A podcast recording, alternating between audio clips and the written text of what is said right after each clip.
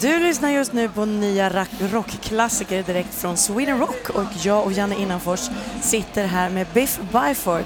Hi, really nice welcome to It's good to be here, back on Rock Classica. Yeah. Yeah. Good. Good, yeah. good pronouncement. How are you doing? Uh, good. Yeah, Good. Bit tired. We were up early this morning. you were? Yeah, we drove from Copenhagen, so Oh yeah, you did. through the rain. Oh yeah. But we brought the nice weather with us. You Yeah. did. Saxon weather. Thank That's you for good. that. And it's been 40 years now since uh, the album debut. Uh, it's been quite a ride. Are you gonna celebrate uh, like a 40 years anniversary? yeah, or this is the something? 40th anniversary show. Yeah. yeah, yeah. It's not. It's not got the big production because we're not headlining. Uh, but um, yeah, so it's going to be the 40th anniversary set list. So yeah, should be great. Yeah, yeah, definitely. And the last album, Thunderbolt, the latest album, how, wha- how have uh, it been received by the fans? And- Great, great, yeah, yeah. They've, uh, they've uh, we sold a lot actually. It was quite surprising. I think um, people like what we're doing at, at the moment. The last three, four albums have been Yeah. really, really good sales-wise, and um, yeah, we, c- we can't complain. No. Everything's great. And the process with the album, was it kind of a nice ride or was it It's, al- difficult? it's always a rough. ride. How come? well, because it get, it's hard not to repeat yourself. You know, it's Yeah. hard to keep, keep, keep making music that's sort of vibrant. But Yeah. wh- when you I do- don't. I want it to be boring, you see, No. and I don't want it to be predictable either. Oh. No. So it's it's, you know, it's quite hard going through. But you know, we do it. It's quality control Yeah. is what it is, you know, and um, spend a lot of time coming up with nice hooks and things and nice titles, you know. Yeah, but when you when you write your songs, is it like y- you just the, the first cut is the thing you, you, you keep, or do, do you rewrite rewrite Uh, it? Well, what usually happens these days is the, the usually the guitarists but and nibs they, they send me ideas, right? And if if it, if it fires a spark, then I'll say yeah, let's work on that. Oh yeah, That's how it starts. yeah. So sometimes they're, you know, not happy. You're just like no no no no no.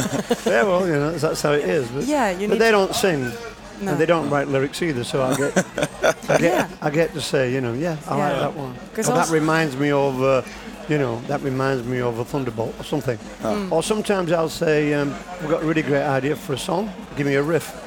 you know, Hmm. Yeah, think, yeah. think about it. Think Yeah. about the title and send me something. Yeah It, it sometimes works. you know. yeah yeah. Yeah, I've seen you hanging around uh, a bit with a friend of ours, uh, Kicken from Uh, Poodles. Kicken, yeah, we're Yeah. good mates. Yeah. yeah, me and Kekan, and uh, yeah, he's a good guy. It's funny.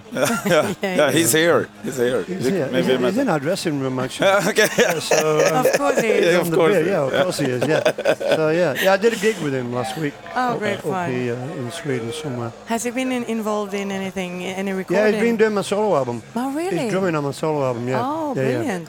Yeah. So um, yeah, I thought you know, thought I'd throw him a bone. Yes, that's good. But really, no, but really, that's really good. Yeah. Also, I've He's a heard. good drummer actually. He's got Yeah. a Yeah. powerful, uh, powerful snare drum. Yeah, yeah, yeah, yeah. Yeah, he's been doing it a while. Yeah. I heard that you like red wine. yeah. Yeah, and Italian wine, is that right? Well, anyway, I mean, yeah, I like the, What's your Oh. I like, favourite? I like Italian and Spanish actually. Aha. Right. But I also like French. I'm not a big fan of Californian and Australian wine. Okay. I don't know why, but it's, re- you have to spend a lot of money to get a really good one. Yeah. But let's face it, af- after you've had a bottle, it doesn't really matter, does it? People could be giving you the cheapest plonk in the world. You wouldn't know, would you? Because I heard there was like a 2013 Elio Altare or something on, on auction right now. Would that be something for you? Yeah, I'd like it. Yeah. Yeah, yeah. You know, but I wouldn't buy it. No. Just drink it. But if we come back another year, we should have it in. We should only have rare wine in the dressing room. they can afford it. Yeah, Yeah, definitely. of course. Looking back at your uh, whole career, uh, what uh, are uh, one of the proudest moments uh, that you? Um, well, there's been quite a lot, you know. I mean, it's been up and down, obviously. 40 years, you can't, you know, you can't stay um, stay at the top forever, you know, or the bottom. So, um, yeah, it's been a roller, roller coaster ride, but um, I think you know the 80s was a great period, and I think now, you know, the last 10 years, a lot of younger fans are getting into the bands, getting into the music. So, yeah, I think now's a pretty good time, actually. I think it's a really good high point at the moment. You know, we're playing the main stage. We've never played the main stage before.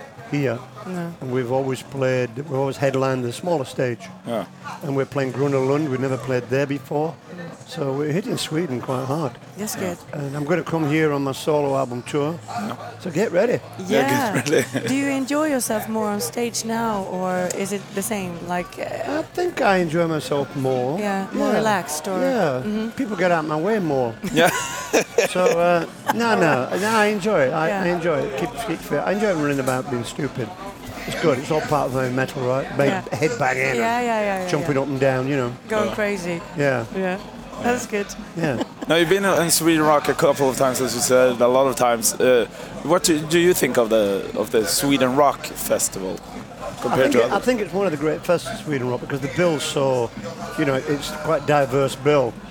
It's a good bill this year, I think.